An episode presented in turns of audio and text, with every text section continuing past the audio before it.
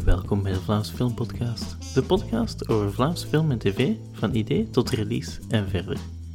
Mijn naam is Rick Boeikes en dit is de derde aflevering in een miniserie over de film Cleo die in 2019 uitkwam. De film gaat over de 17-jarige Cleo, gespeeld door Anne-Francesca Jeger, die haar ouders verloor in een verkeersongeval. Ze zoekt troost in haar pianospel en de muziek van Rachmaninoff, maar ook in de mysterieuze Leos, gespeeld door Roy Arnouds. Ik sprak over de film met schrijver en regisseur Eva Kools en actrice Anne-Francesca Jeger. Over drie afleveringen vertrekken we vanaf het initiale idee tot het schrijven, de casting, het draaien, de postproductie tot release en het terugblik. Let op, we hebben het over de hele film, dus er zullen spoilers komen. De interviews werden vorig jaar opgenomen en het duurde een lange tijd om ze te monteren. Ook even meegeven dat de geluidskwaliteit van Anna Francesca Jeger niet zo zuiver is, mijn excuses daarvoor. In de vorige aflevering hadden we het over de draaiperiode en de postproductie. In deze aflevering hebben we het over de release en wordt er teruggeblikt op de film. Wij zijn in première gegaan op het Filmfestival van Gent, oktober 2019. En wij hebben nog aan de film gewerkt tot maart uiteindelijk. Um, omdat wij nog een hermontage hebben gedaan. Um, dus de film was misschien wel af in 2018, maar daarna hebben we nog een paar maanden later nog een, een, uh, een kleine ingreep nog gedaan. Dus hij was af in maart, ja. En vanaf wanneer wisten jullie dat jullie op uh, Filmfestival Gent konden spelen? Ah, um, ik denk dat het ergens in de zomer was. Ja, ik herinner mij dat dat iets van juli, augustus ergens moet geweest zijn. Ik heb wel nog een gesprek gehad met uh, Wim de Witte, ook programmator van het Filmfestival van Gent. Super uh, fijne meeting. Um, en ja, dat was zoiets, ja. Was dat iets waar je ook op hoopte, om daarop te kunnen spelen? Ja, zeker. Um, ja, Filmfest Gent is voor mij heel speciaal. Ten eerste omdat ik woon in Gent. Maar um, het is ook een filmfestival waar ik, dat ik waarin ik echt ben opgegroeid als student. Um, want ik heb uh, onder andere ook aan het KAS gestudeerd. En ook toen ik aan Sint-Lucas studeerde, ging ik echt wel uh, tien dagen naar het festival met een festivalpas. En ik heb daar veel van mijn inspiratiebronnen gevonden voor mijn eigen films. Zelfs voor Cleo heb ik een film gezien op zo'n festival die... Um, die een grote inspiratie was, was Pure van Lisa Langset. Um, die thematiek uh, kwamen wel overeen. En, en dus voor mij was dat heel speciaal om daar te mogen zijn. Zeker mijn debuutfilm. En ik, de selectie is echt wel uh, heel moeilijk. Hè? Het is niet omdat je een Vlaamse film bent dat je dan sowieso in Gent in première mag gaan. Dus ik vond dat wel een hele eer. Weet je zelf nog wat uh, de mensen van Filmfest Gent juist aansprak in de film? Um, exact niet, maar wat ik wel weet is uh, dat mijn film heel goed paste in de Explore Zone Competition. Uh, omdat ik natuurlijk een, een coming-of-age film slash psychologisch drama heb gemaakt met een jong hoofdpersonage. Um, en het feit dat het een auteursfilm was. En ook, denk ik, misschien de relatie ook met uh, film en uh, muziek. Um, ja, er zit wel heel veel muziek in de film. Rachmaninoff natuurlijk. En, en, en dat is ook een heel belangrijk uh, aspect van het Filmfestival van Gent. Ik had ook niet te vergeten, ik had ook de Visser Nederlandia-prijs gewonnen met mijn scenario op het Filmfestival van Gent in 2016. Uh, dus dat was wel een mooie, ja, een mooie afronding of zo van het traject van de film op het filmfestival. Uh, en hoe verliep de première zelf? Ja, dat vond ik uh, heel fijn. Ik had, ik had daar eerst een beetje schrik voor, omdat ik van veel regisseurs had gehoord van oh, een première, dat is verschrikkelijk. Alleen natuurlijk, de zenuwen waren, waren heel enorm hoog. En, en ik herinner mij dat die dag heb ik echt interviews gegeven van s ochtends vroeg tot s avonds laat. Dus uh, eigenlijk ben je al zo moe en dan moet het hele circus nog beginnen. Dat, dat had ik niet verwacht. Ik dacht dat, dat je zo overdag nog een beetje kon rusten of zo. maar ik heb eigenlijk uh, heel hard moeten werken op de dag van mijn première. Um, maar dat was enorm fijn. Ten eerste omdat uh, de zaal was uitverkocht. En ehm, er waren twee publieke screenings dus. En uh, dan waren er ook nog twee uh, screenings voor, allee, op een andere dag op het filmfestival voor professionals. Maar um, het was heel fijn omdat ze dus eigenlijk nog een grotere zaal hadden moeten boeken. Omdat er toch nog meer mensen wouden komen kijken. En dat deed me natuurlijk heel veel plezier voor zo'n een, een, een, film die toch wel heftig is en, en een serieus thema aansnijdt. Dat, er, uh, dat we dan in de grootste zaal in de Kinepolis in Gent konden zitten. Dat was heel tof. En ook ja, toch de warme reactie van het publiek. Je, je, ah, natuurlijk, als, als filmmaker op, je première gaan mensen niet, niet altijd zo kritisch zijn, want ze weten natuurlijk, ja, je bent de regisseur en zo. Dus uh, maar toch voelde ik dat aan de, aan de reacties aan de, aan de sfeer die er in de zaal was. En ook aan het feit dat de mensen zo stil waren. Daarin kan je dat ook wel voelen. Als, als je echt een, een speld kan horen vallen en als ze op de juiste momenten lachen. Of, of niet. Um, dat, die sfeer zat heel, heel juist. Ja. Dus ik vond dat een hele, een heel speciale ervaring, ja. Is dat dan ook een, een beetje eindelijk uh, dat los kunnen laten. Uh, want je hebt dan die film doordat je zo lang uh, jaren aan gewerkt hebt en dan eindelijk kan je die aan, aan mensen laten zien. Ja, zeker. Dat was echt een ontlading. Um, ik was ook heel trots op iedereen die daar vooraan stond. Hè. Als, je, als je dan de cast en de crew zag staan en vooral Anna Francisca en dan Roy en Mauro en iedereen dat, dat er zo hard aan gewerkt had. Want het is echt wel een film waarbij heel veel mensen met passie aan gewerkt hebben. Omdat we ook wel een beetje dieper hebben moeten gaan dan, dan gemiddeld met, het budget dat we hadden om, om het uit de kant te halen. Dat is, uh, je kan dat alleen vragen aan mensen dat ze echt in, in het verhaal geloven, want je kan dat niet altijd vragen. En um, en dat, en dat was echt wel uh, een pluim voor ieder zijn werk. Natuurlijk hebben we hebben ook moeilijke momenten gekend hè, tijdens die film. Om, om, om, om het gedaan te krijgen op de manier dat het beste was voor de film. Maar als de mensen dan achteraf wel uh, blij zijn of zien dat het, dat resultaat ergens naartoe gaat, dan, dan is dat een grote... Ik voelde mij enorm verantwoordelijk voor al die mensen. Ik dacht ook van, ik hoop echt dat ze het goed vinden, want want uh, stel dat ze dan ontgoocheld zijn, dan, dan hebben ze daar zoveel geïnvesteerd, ook van zichzelf, in iets waar dat ze niet achter staan. Dat, dat, dat, gevoel had ik helemaal niet. Had het gevoel dat de film mij heel veel warmte werd, um, werd onthaald en omringd ook door de crew. Dat was heel fijn. Dat we daar toch samen voor gevochten hebben. Dat, dat maakt een, een film altijd heel speciaal. Dat uh, gemeenschappelijke gevoel eigenlijk. Dan volgde later uh, de release in de Belgische zalen. Weet je nog wat dat de reviews, wat dat de kritieken waren? Uh, lees je kritieken? dat is een goeie. Ik had mij voorgenomen om... Uh, ik, ik, heb, ik heb mij ook voorgenomen om niks te lezen. Um, omdat ik uh, een hele gevoelige ziel ben. die met de film ook heel persoonlijk was. En um, ik, ik had daar niet genoeg ruggengraat voor om dan zo harde kritieken over mijn werk te lezen. Zeker niet bij mijn eerste film.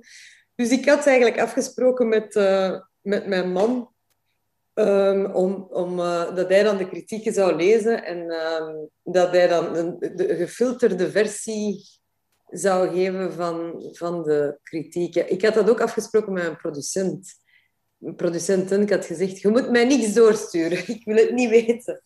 Um, maar dan, uh, ja, dat was de dag van de releaser. En blijkbaar staan al die reviews dan simultaan in de krant, wat ik ook niet wist. En dan waren die eigenlijk, uh, ja, over het algemeen zeer goed. Ik denk de meerderheid, behalve, ik denk dat we een slechte review hadden in Focusknak of zo. En dat, dat was het dan. En dan zei mijn producent van... Ik denk dat, dat je ze wel mag lezen. En dan, uh, ja, dan, dan heeft uh, Maarten, mijn vriend, ze eerst gelezen. En dan heb ik sommige gelezen. Ik heb ze niet allemaal gelezen. Ik heb ze ook niet allemaal tegelijk gelezen. Um, maar dan was ik wel... Um, dan kwam ik zo... Was ik een beetje verbaasd. dan dacht ik van... Oei, het is toch eigenlijk nog wel... Allee, dat klinkt raar, want je hebt daar zoveel aan gewerkt. Tuurlijk wil je een goede review, maar... Maar ehm, ik was toch verbaasd dat dat voor een debuutfilm dat dat toch, dat, dat het zo mooi was. Omdat, omdat je natuurlijk... Uh, het is nog maar je eerste film. Dus ik was heel blij, ja. Ik was heel opgelucht vooral, ja. En ook, ik was blij dat er in de standaard, dat herinner ik mij, dat er een hele mooie lyrische review was van een vrouwelijke filmjournaliste. Want dat vroeg ik mij ook af van, ja, bij alle filmjournalisten zijn ook mannen. En uh, hoe gaan ze dan om met zo'n thema? Niet dat ze dat niet kunnen beoordelen, totaal niet. Maar ik dacht ook van, ja, dat is toch wel anders dan, dan dat je zo misschien iemand anders, met een ander perspectief over uh, een vrouw van 16, een jonge vrouw van 16 jaar laat schrijven. En dat viel mij wel op dat die review in de standaard dat die heel uh, gevoelig en heel, um, heel juist de toon van mijn film had aangevoeld. Terwijl dat, dat misschien zelfs niet de beste sterren waren, maar dat is heel mooi omschreven. Dat had mij echt geraakt. Ja. Daarnaast uh, werd film ook vertoond in uh, culturele centra en dergelijke. Je gaat er dan soms ook naartoe. Dan ben je zo jouw film aan het laten zien, als ik dat zo mag zeggen. Hoe, voelt dat? Ik vond dat zelf heel fijn, die CC-tour. Ehm, vooral omdat ja, na de première heb je zo drie avant-premières. Brussel, Gent, Antwerpen. En dan stopt het eigenlijk een beetje. En uh, het, het tofste als filmmaker is toch wel het contact met je publiek. En in zo'n cc, dan is dat veel makkelijker, want je hebt echt wel meer een één-op-één um, contact met je publiek, omdat de, de afstand is minder groot. En ja, wij hebben wel een paar grote cc's gedaan. Ook, uh, uh, alleen onder andere heeft ook in, in Dilbeek gespeeld en in Strombeek. Maar um, ik denk dat de, de mooiste ervaring was uh, in de cc Binder van mijn dorp, eigenlijk, van Puurs. Omdat ze daar iets heel speciaals hadden georganiseerd. met acteurs en met eigenlijk ja, heel veel mensen die ik kende. En met mijn familie. En, um, en met een opzet van Mauro achteraf. Dus af en toe, we hebben dat ook in Antwerpen gedaan, koppelden we een, een soort uh, live showcase uh, van Mauro akoestisch met de film. Wat super, super tof was. En het leukste waren gewoon de reacties van mensen die, um, die echt elke week naar de cinema gaan omdat dat filmliefhebbers zijn en omdat zij omdat zij dan echt wel um, ja, details gaan opsommen die misschien niet op, bij iemand anders, bij een minder getraind filmpubliek, um, als reactie krijgt. Ook de filmclubs vond ik heel fascinerend, hoe dat ze ook vaak uh, ganse theorieën hadden over de metronoomscène of zo, waarbij ik dacht, ah, zo had ik het zelf nog niet gezien, maar tof dat jij het zo ziet. Nee, ik vond dat heel tof. Wat ik mij ook herinner is, ene keer zijn we naar uh, Koersel geweest in Limburg. Um, ja, dat is eigenlijk de Roxy Theater. Dat is geen cc, maar dat is wel vergelijkbaar zo'n buurtcinema, een heel kleine dorpscinema. Waar ik mij herinner is dat ik daar was met Mauro en dat, dat we een Q&A deden uh, met de interviewer en dat, dat niemand een vraag had. Dus ja, we waren daar, maar niemand durfde een vraag stellen. Ik dacht, ja, misschien typisch Limburg. En dan achteraf, dan eh, hebben we wel nog een pint gedronken in het café. En dan, dan kwam iedereen vragen stellen. Dus uh, dat vond ik ook. En, en eigenlijk wel hele, hele goede vragen. Dat vond ik ook heel fijn. Dat je dat eigenlijk gewoon tussen je publiek uh, een beetje moet gaan pinten drinken. En dan, dan komen de mensen wel praten. Zo.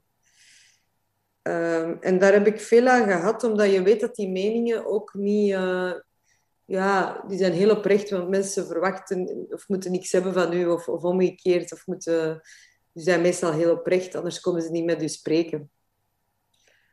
Dat is wel belangrijk als filmmaker. Ja, je, ik vind, je maakt je film niet voor een filmpubliek. Je maakt je film voor mensen. En, en dat, als je dan naar een cc gaat, dan kom je in contact met mensen die, die gewoon naar de film gaan elke week en, en, en verschillende dingen zien. Dat is wel interessant. We hebben enkele zo kleine, kleinere film, allee, waar we zo inleidingen deden bij films, bij, de film, van film. En achteraf ook uh, enkele Q&A's. En, en toch uh, twee of drie keer gehad dat er uh, mensen naar mij en Eva kwamen om te zeggen dat ze zo geraakt waren door film, door wat het personage meemaakt. En sommigen die ook zeiden dat ze zelf eigenlijk uh, slachtoffer waren van verkeers, uh, onbetrokken waren in een verkeersongeval of mensen hebben verloren. En, dat, en om die reden ook extra heeft uh, geraakt en, en waarin ze konden meeleven. En misschien ook de dingen van een andere kant bekijken. En dat zijn misschien wel de momenten die ja, het meest met je doen als, als, als speler en als maker. Omdat het dan, ja, ik weet niet, omdat het dan iets betekent en iets kan bewegen bij, bij kijkers. Dus dat, ja, dat is, dat is altijd wel, um, hoe zeg je dat? Uh, in het Engels weet ik to humble, humbling. Um, uh. Maakt bescheiden, maakt je, ja dat je daar ook, dat, dat, dat is mooi dat dat via fictie kan, dat dat via verbeelding toch eigenlijk mensen ook kunt helpen in, in zichzelf of de wereld of bepaalde problemen beter te begrijpen. Of daar, ja, helende, dat, dat, dat kunst ook een helende kracht heeft. En ik denk dat uh, de film eigenlijk en die hele lijn die de piano, die de muziek draagt, in parallel met het trouwproces eigenlijk. Dat het daar eigenlijk ook uh, toont of zo. Dat uh, muziek en kunst eigenlijk uh, helend zijn. Goed voor de ziel, bij wijze van spreken. Goed voor de ziel, ja. Ik vond ook een, een lesmap om de film te behandelen in secundair onderwijs. ben je daarbij betrokken geweest om dat op te stellen? Ik heb, uh, ik heb dat niet mee opgesteld, maar ik heb het wel gelezen. Ja, ik heb het nagelezen, ik heb mijn opmerkingen gegeven. Ik vond dat heel goed gemaakt. Um, ja, dat was dus in samenwerking met Jeff. Jeff Filmfestival, die ook um, filmvertoningen doet in middelbare school, om, om, om de thematiek, in dit geval over vluchtmisdrijf en rouwverwerking, bespreekbaar te maken bij scholieren. Ja. Uh, had je dat verwacht toen je de film was aan het voorbereiden? Dat dat ook effectief zo ging aanspreken aan jongeren? Nee, um, ik heb daar nooit bewust over nagedacht. Ik, uh, ik, ik, begrijp natuurlijk dat ik wel een jong hoofdpersonage heb gekozen. Maar voor mij was die film altijd wel voor volwassenen en, en ook wel, was ook, ook wel jongvolwassenen bedoeld. Maar ik heb dat nooit gezien als dat, dat die film in een schoolcircuit ging belanden. Nu, daarom zijn er ook mensen die met distributie bezig zijn, die dan wel weten dat dat perfect mogelijk is. Maar ik ben daar niet mee bezig als ik aan het schrijven ben, nee. Krijg je zelf reacties van jongeren die de film gezien hebben? Ja, zeker. Ik heb via Facebook uh, eigenlijk veel uh, berichtjes gekregen van ook jonge meisjes, maar ook van jonge jongens um, die mij wel hebben aangeschreven, die uh, vaak ook wel een link hebben met het thema, die een vriendin hebben verloren in een verkeersongeval, of die iemand in hun familie hebben verloren in een verkeersongeval. Ik heb zelfs, uh, ja, mensen hebben mij zelfs uh, gedichten gestuurd, allee, jongeren, dat ze geschreven hadden. Um, op basis van de film, dat dat hun geïnspireerd had om zelf iets neer te pennen, om, uh, om hun, gevoelens in te verwerken. Dat, dat, zijn dingen die mij het meest geraakt hebben. Uh, veel belangrijker dan, dan die reviews of dan de filmfestivals is eigenlijk als je een jong individu of een volwassen persoon ook kunt raken en dat dat, dat eigenlijk iets veroorzaakt in zijn leven of haar leven, dan, dat doet mij wel echt iets, ja. Deze podcast wordt mogelijk gemaakt door de steun van luisteraars zoals jij. Je kan een bijdrage doen voor de prijs van een kop koffie via buymeacoffee.com slash. Hiermee kan ik beter materiaal kopen. Of je kan de podcast aanraden aan vrienden of delen via social media. We zijn Vlaamse Filmpodcast op Facebook en Instagram en Vlaamse Filmpot op Twitter. En nu terug naar de aflevering je vermeldde net nog de, de filmfestivals. Uh, de film heeft op een aantal festivals gespeeld. Je hebt ook uh, gewonnen op uh, Rome en Sofia, als ik mij nog goed herinner. Ja. hoe uh, ben je dan ook naar die filmfestivals gedaan? Ik neem aan dat voor en na COVID iets anders was. Ja, uh, in het begin ben ik eigenlijk naar de meeste filmfestivals gegaan. Uh, omdat dat natuurlijk heel fijn is om dan de vruchten te plukken van het jarenlange werk. Dus ik ben begonnen, de première was in, um, de internationale première liever was in Rome. Op Alice nella Città. En daar ben ik naartoe geweest samen met Anna Francisca en met de producent en met de line producer. Dat was heel fijn, omdat we daar drie prijzen hebben gewonnen. En dat, dat, was natuurlijk ja, een heel warm onthaal daar met de jongere jury. Er waren voornamelijk jongeren die naar de film hebben gekeken daar.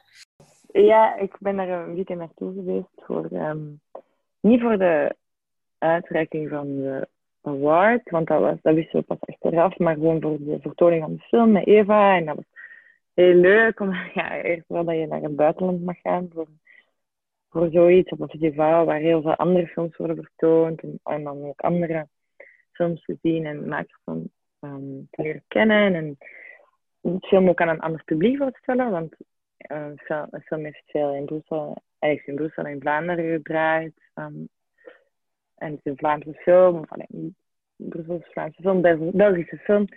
Um, dus het is ook nieuw om te weten of het ook in een andere context, in een andere culturele um, omgeving ook uh, weer klinkt of zo. En, en, dat bleek dan wel het geval. En uh, Rome is ook een soort, uh, is een soort klassieke film, cinema, cinema vibe. dus dat is wel zo, ja, ook een soort je, je mindje was een beetje in een soort grandeur. Of, allee. Ook al was het, uh, was het niet, maar daar kan je dan maar wel even bij. In die uh, fantasie ga je dan wel even uh, mee of zo. Dus, en ik was heel blij om um, de Alice, Alice Nella Città prijs, de Rising Star Award te mogen ontvangen. Um, omdat dat toch ook ja, een erkenning is voor wat je gedaan hebt, voor je werk. En, ja, dat is echt heel, heel, fijn. En dan um, ben ik uh, doorgegaan naar uh, Tallinn, Tallinn Black Nights. Um, dat was ook een uh, ik, Just Film competitie, ook eigenlijk een soort van jongerencompetitie. Um, waar ik geweest ben. En dan dan was het eigenlijk heel druk, want dan was dat meteen van Tallinn naar India. En um, India, die, dat was het uh, International Film Festival in India, die hadden uh, ook een vlucht betaald. Wat ik redelijk spectaculair vond om daar naartoe te gaan. En um, ja, dan ben ik gewoon vertrokken. En dat was zo'n hele speciale ervaring, want ja, die behandelden echt hun filmmakers ontzettend goed. En um, ik herinner mij dat, daar, dat, dat er in de, in de jury, dat, uh, ik denk dat Andrea Arnold in de jury zat. En um, ja, dat waren echt wel grote filmsterren aanwezig. Niet dat, niet dat ik ze gezien had, maar je had daar ook heel de cultuur... Uh, ja, een totaal andere cultuur. En, en, en het feit dat je dan als vrouw uh, een film hebt gemaakt daar in India, dat was wel dat, dat vonden ze denk ik wel heel speciaal. Ik was ook de enige vrouw in mijn competitie van de buurtfilm. Um, heel respectvol dat de mensen daar ook, ook, hoe dat ze naar, ik heb naar mijn eigen film gekeken in India om eens te weten hoe dat was en het was uh, heel grappig uh, om te zien hoe, hoe, hoe dat, uh, hoe dat zo'n filmbeleving was. En was de film dan gedubt of met ondertitels? Nee, met ondertitels. Dat was wel een, een ja, echt wel een heel professioneel filmfestival. Je zou denken van, ja, India, maar, maar, dat is echt wel een enorme filmcultuur, hè? zoals dat je weet in Bollywood. En uh, dat waren gigantische multiplexen met fantastische kwaliteit qua geluid, qua schermen, uh, dus echt uh, beter zelfs dan de Kinepolis hier in België. Dat was on onwaarschijnlijk goed, die projectie. En um, nee, nee, dat was niet gedupt. Wat, dat, wat dat mij wel opviel, is dat veel mensen deden hun schoenen uit. En maar dat vond ik vooral grappig. En wat dat ook wel storend was, dat mensen wel vaak um, hun telefoon niet afzetten. En dan ging je er zo regelmatig wel telefoons af. En dat was blijkbaar iets dat, dat daar ook wel vaak gebeurt. Dat herinner ik mij. Maar verder herinner ik mij ook... Uh, ik herinner me dat, ik denk ik 40 mensen hun hand heb geschud. Die, die, die in het publiek zaten. Die, uh, omdat ik ook in die zaal zat en omdat ze mij hadden gezien vooraan bij de intro. Dus dat vond ik ook heel grappig en, en interessant eigenlijk. Ja. Nu ook uh, veel mensen hun hand schudden, uh, brengt me dan ook bij COVID. Ja, toen was het nog november. Toen was het nog november. Ja, toen, toen, toen was het allemaal nog niet zo raar. Zwaar. daarna, ja, daarna is dan de film nog op andere festivals gegaan, terwijl het dan COVID wel al was. bij, ik neem aan dat die dan online waren?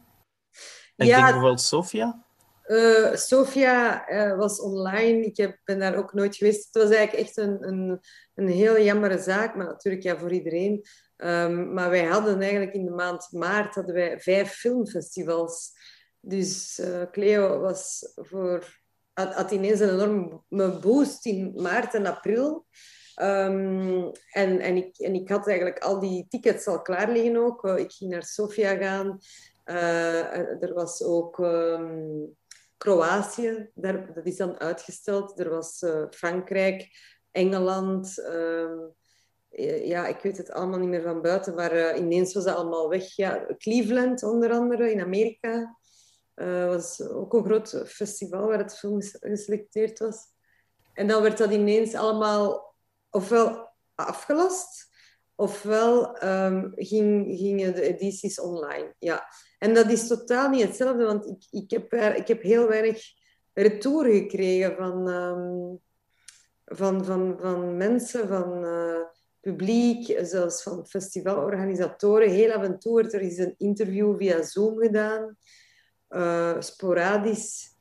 Um, in Sofia herinner ik het mij dat ik een interview heb gedaan, maar van veel festivals passeerde die film eigenlijk volledig.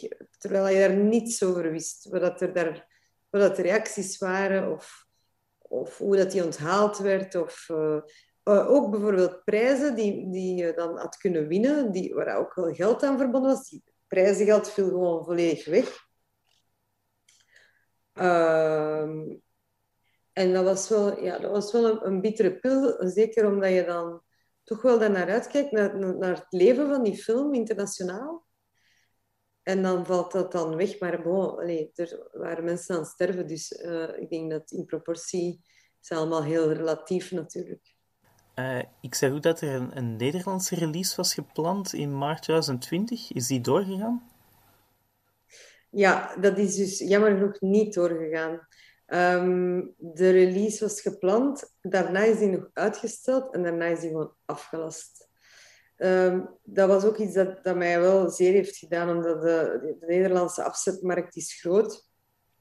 Wij hadden daar ook een, een distributiedeal met uh, Cinemine, die ook heel nauw samenwerkt met Lumière. En uh, ik heb er eigenlijk nog een heel frappant beeld van, dat ik op internet heb gevonden. En dat is de banner, heel toevallig eigenlijk, de, banner van Cleo, die op een gigantische grote affiche hangt, die een volledig nadarhek in beslag neemt, met daarop de, de datum van de release. Ik weet zelfs niet meer, ik denk dat dat ergens eind maart was of zo, 28 maart of zo, ik weet niet meer. En dan stond er zo Cleo in Cinema Soon. En dat was dan echt in het centrum van Amsterdam.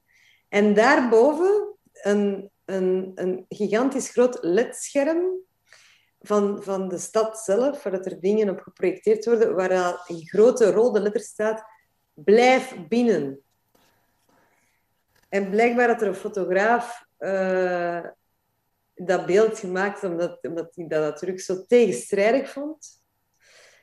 Uh, en ook een beetje om de cultuursector uh, in beeld te brengen van, van hoe dat cultuur en natuurlijk heel veel andere sectoren zo hard geraakt werden op dat moment. Ja. Dan begin dit jaar waren er de Ensors. we hebben ook al praat over Mauro. Jij was ook genomineerd. Hoe belangrijk zijn de Ensors als, als filmprijzen in België? Ja, toch wel voor de Vlaamse film toch zeer belangrijk. Je hebt natuurlijk ook nog de, de Magritte. Hè? Daar was Cleo ook twee keer voor genomineerd trouwens. Um, die eigenlijk meer eh, de, de Belgische en ook de Waalse, maar eerder de Belgische films in, in de kijker zetten. Maar de, voor de, als Vlaamse film uh, ja, zijn een soort wel ja, toch wel de belangrijkste filmprijzen. Die, er zijn ook maar die filmprijzen natuurlijk in Vlaanderen. Maar ook vooral met het professioneel, omdat dat echt wel het, uh, het, de collega's, het werkveld deelt prijzen uit. Dus dan kan je wel een beetje de appreciatie in het werkveld afmeten aan de hand van die prijzen. Omdat het ook al lang geleden was dat de film eigenlijk in première was gegaan. Dus, dat, uh, en jammer genoeg ook dat er door COVID uh, enkele festivals ook niet waren doorgegaan. Dus ja, was er, ik was al, en ik was met andere projecten bezig, dus het kwam een beetje op het niets. Dus ik was heel blij dat het er ook in Vlaanderen um, um, ja, erkenning voor was. Uh, ja was heel leuk. Het was een beetje een raar COVID-evenement, maar het was heel leuk. Ja. En dan uh, nu een, een terugblik naar, naar heel de film. Wanneer laat je de film los? Wanneer ligt hij achter u? Uh, het kan ook zijn dat de film nog niet achter u ligt en dat je hem nog niet loslaat. Ah, dat is een goede vraag. Ik denk dat dat bij mij nog redelijk lang geduurd heeft toen ik hem heb losgelaten, eer, ik hem heb losgelaten. Maar um, ja, nu, nu is hij wel een beetje ja, voorbij. In de zin van... Natuurlijk, als je die festivals aan het doen bent en het ene na het andere festival kan doen, dan, dan ben je heel betrokken omdat je juist iedereen leert kennen die, die kennis maakt voor de eerste keer met je film natuurlijk laat je die nooit helemaal los. Hè. Ik, ik heb bijvoorbeeld vorige week nog een screening gedaan voor het RITS. En uh, ik ben met de studenten van het RITS in een Zoom-gesprek gegaan. Dus natuurlijk, als ze mij de vraag stellen, dan, uh, dan ga ik daarop in, omdat ik daar zorg wil voor dragen.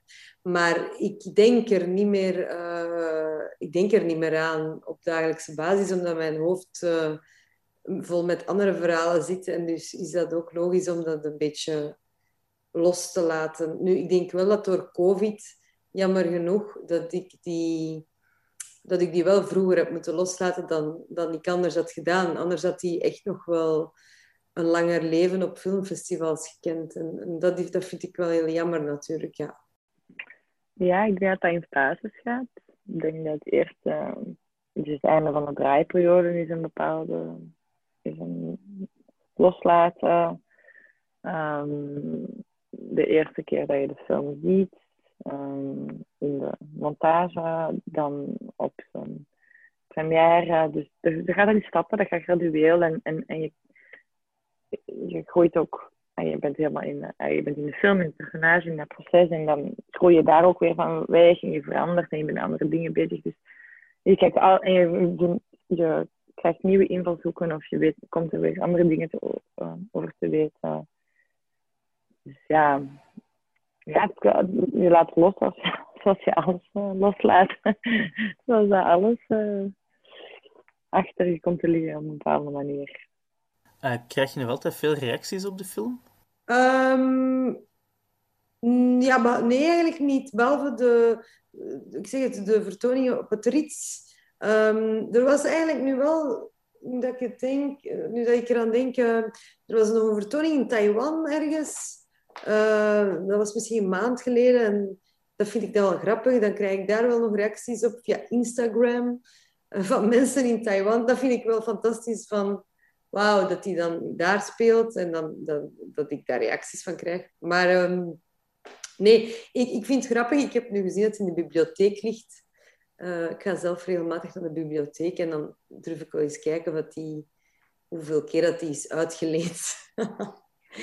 maar, um, maar nee, uh, nee, nu is het wel een beetje gaan liggen. Nu, ik denk wel, um, er waren nog een paar uh, dingen gepland met Jeff in de scholen. Maar ja, jammer genoeg, alles is zo eh, ja, alles is zo veranderlijk. En hoe dat de situatie er nu vandaag weer uitziet, gaat er waarschijnlijk toch afgelast worden. En, eh, ja, dus dat is een beetje het ding. Ik, ik, ik zou nog wel veel in contact komen met jongeren om over de film te spreken, omdat, er al zoveel dingen zijn uitgesteld in de school. Maar wanneer, hè, dat is de vraag. Dat weet ik niet. Uh, wat wilde je bereiken met de film en heb je het gevoel dat dat gelukt is? Ja, um, ja, natuurlijk als filmmaker hoopt uh, dat uw film een geweldig succes is wereldwijd, uh, waar dat er uh, 300.000 mensen naar komen kijken. Dat is nu niet gelukt.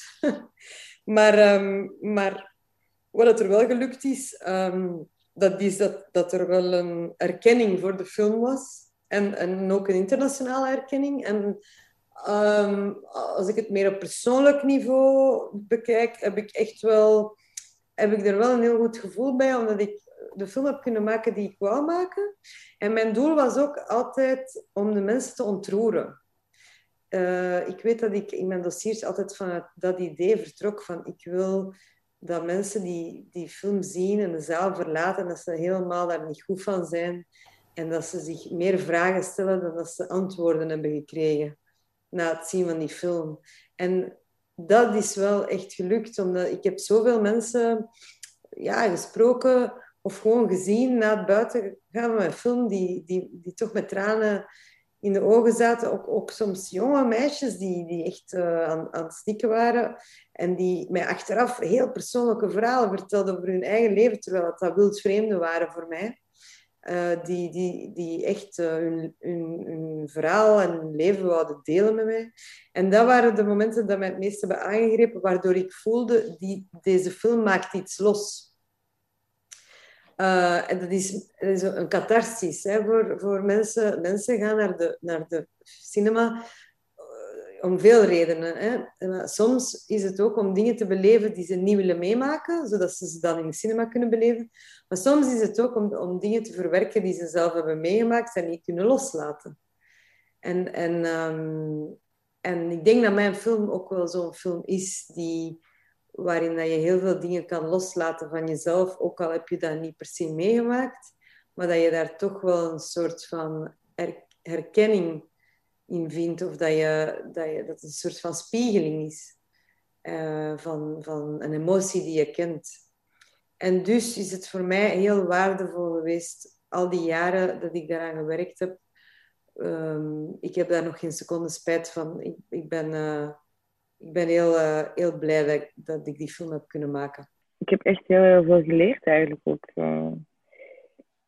dat vooral. Ik, ik zat in mijn tweede jaar aan het cast in Gent. Dus dat was ook die hele leerperiode. Of, ik heb veel geleerd over, over, spelen, over werkprocessen en um, samenwerkingen ook. Mee, en hoe je, hoe je verhoudt tot iemand anders visie en iemand anders uh, utopie van een film of zo. En, en contrast met hoe het dan in de werkelijkheid, of als het dan de realiteit ontmoet, in de vorm van een acteur. Uh, een bepaald een decor, een lichtontwerp. Allee, al die concrete gebeurtenissen. En ja, dus een samenwerking met elkaar. Um, en ja. En, en met, van, van, van, van alle spelers, van de medespelers eigenlijk. Dat is ook de, de grootste leerschool, omdat je gewoon zo die momenten probeert te creëren bijzondere momenten in, in spel in verhouding tot die camera. Dus dat, allee, dat is een, beetje algemeen gezegd, maar dat zijn wel dingen, ja, de laatste keer en ook in zo'n grote filmproductie, want ik heb al nog andere kortfilms um, gedaan. Um, maar zo'n grote productie is zeker, um, is zeker vormend. Ja. En ook iets waar mensen je ook voor, uh, allee, heeft ook een bereik daar waar mensen ook je op aanspreken. En, voor herkennen. En, ja. Zijn er dingen die je geleerd hebt bij het maken van deze film die je meeneemt naar andere projecten? ja, natuurlijk. Maar ja, dat is een vraag waar ik nog drie uur over kan praten, denk ik. ik uh, uh, ja, uiteraard. Ik denk dat als je aan een film begint, en zeker de eerste, dat je daar ook heel naïef aan begint. En heel idealistisch. Ehm, en en het, is, het is een beetje is een, vraag die ik mezelf ook nog altijd stel.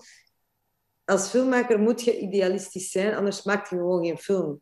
Want je moet het niet doen om de financiële redenen, of je moet het ook niet doen om, uh, om de bekendheid of zo, want het is gewoon te hard en te veel werken om het om, uh, om die redenen te doen. Uh, dus, dus er moet iets inherent in u aanwezig zijn dat zegt, ik moet die doen en, en anders kan ik niet leven.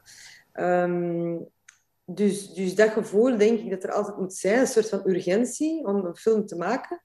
Tegelijkertijd besef ik ook dat, dat, compromissen maken, dat dat nu eenmaal ook wel een, uh, een aspect is van het filmmaken, omdat het gewoon zo'n duur medium is dat, daar heb ik wel veel over nagedacht. Ik, ik denk dat toen ik aan de film begon, dat ik heel compromisloos in, in de wereld stond, op, op gebied van mijn werk natuurlijk.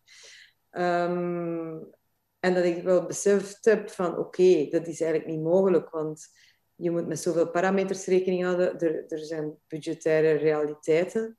Uh, en er zijn natuurlijk nog heel veel meningen van, van andere mensen die verantwoordelijkheden dragen. Uh, of die voor uw film gekozen hebben, omdat het ook hun film is.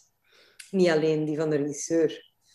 Dus um, het is echt een groot verschil dan, als je dat vergelijkt met een schilder die een, een doek heeft en die zegt: Ik ga mijn schilderij hier uh, op, op het doek verven zoals ik het wil. Ja, film is een heel duur medium. Dus, dus tuurlijk kan je dat niet helemaal uh, doen wat je wil. Maar tegelijkertijd wil je ook die authenticiteit bewaren. En dat is een balans die, die dat ik wel, uh, waar ik veel van geleerd heb. Van oké, uh, nu weet ik dat misschien iets beter hoe dat die balans in elkaar zit en hoe dat ik daar in de toekomst misschien mee omgaan. Um, ja, maar ik heb ook heel, veel goede dingen geleerd hè, die ik meeneem uh, over hoe ik met acteurs moet werken. Uh, dingen die ik beter ga doen in de toekomst qua people management op mijn crew op mijn filmset of zo. Um, ze zeggen vaak bij een eerste film dat je alles in die film steekt. Hè? Dus heel je leven steekt in, in die film. Je hebt zoveel jaren ge geleefd en, en die, die zijn allemaal toch wel, gedurende al die jaren dat je geleefd hebt, heb je toch een paar dingen verzameld die je in die film hebt gestopt. En daarom dat die eerste film zo belangrijk is. Als je een tweede film begint, ja, dan zet je daar misschien twee, drie jaar of vier mee bezig, maar dan begint die eigenlijk waar dat die andere is gestopt of zo. En daarom dat een eerste film zo belangrijk is voor een filmmaker, omdat, uh, omdat, omdat dat je meestal denkt dat heel je leven ervan afhangt. dus. De vorige afleveringen van de podcast kan je beluisteren via Apple Podcast, Spotify of de website vlaamsefilmpodcast.wordpress.com. Deze podcast werd gemaakt door Rick Boeikes, dat ben ik, met dank aan Eva Kools en Anne-Francesca Jeger. Bedankt voor het luisteren en tot de volgende aflevering.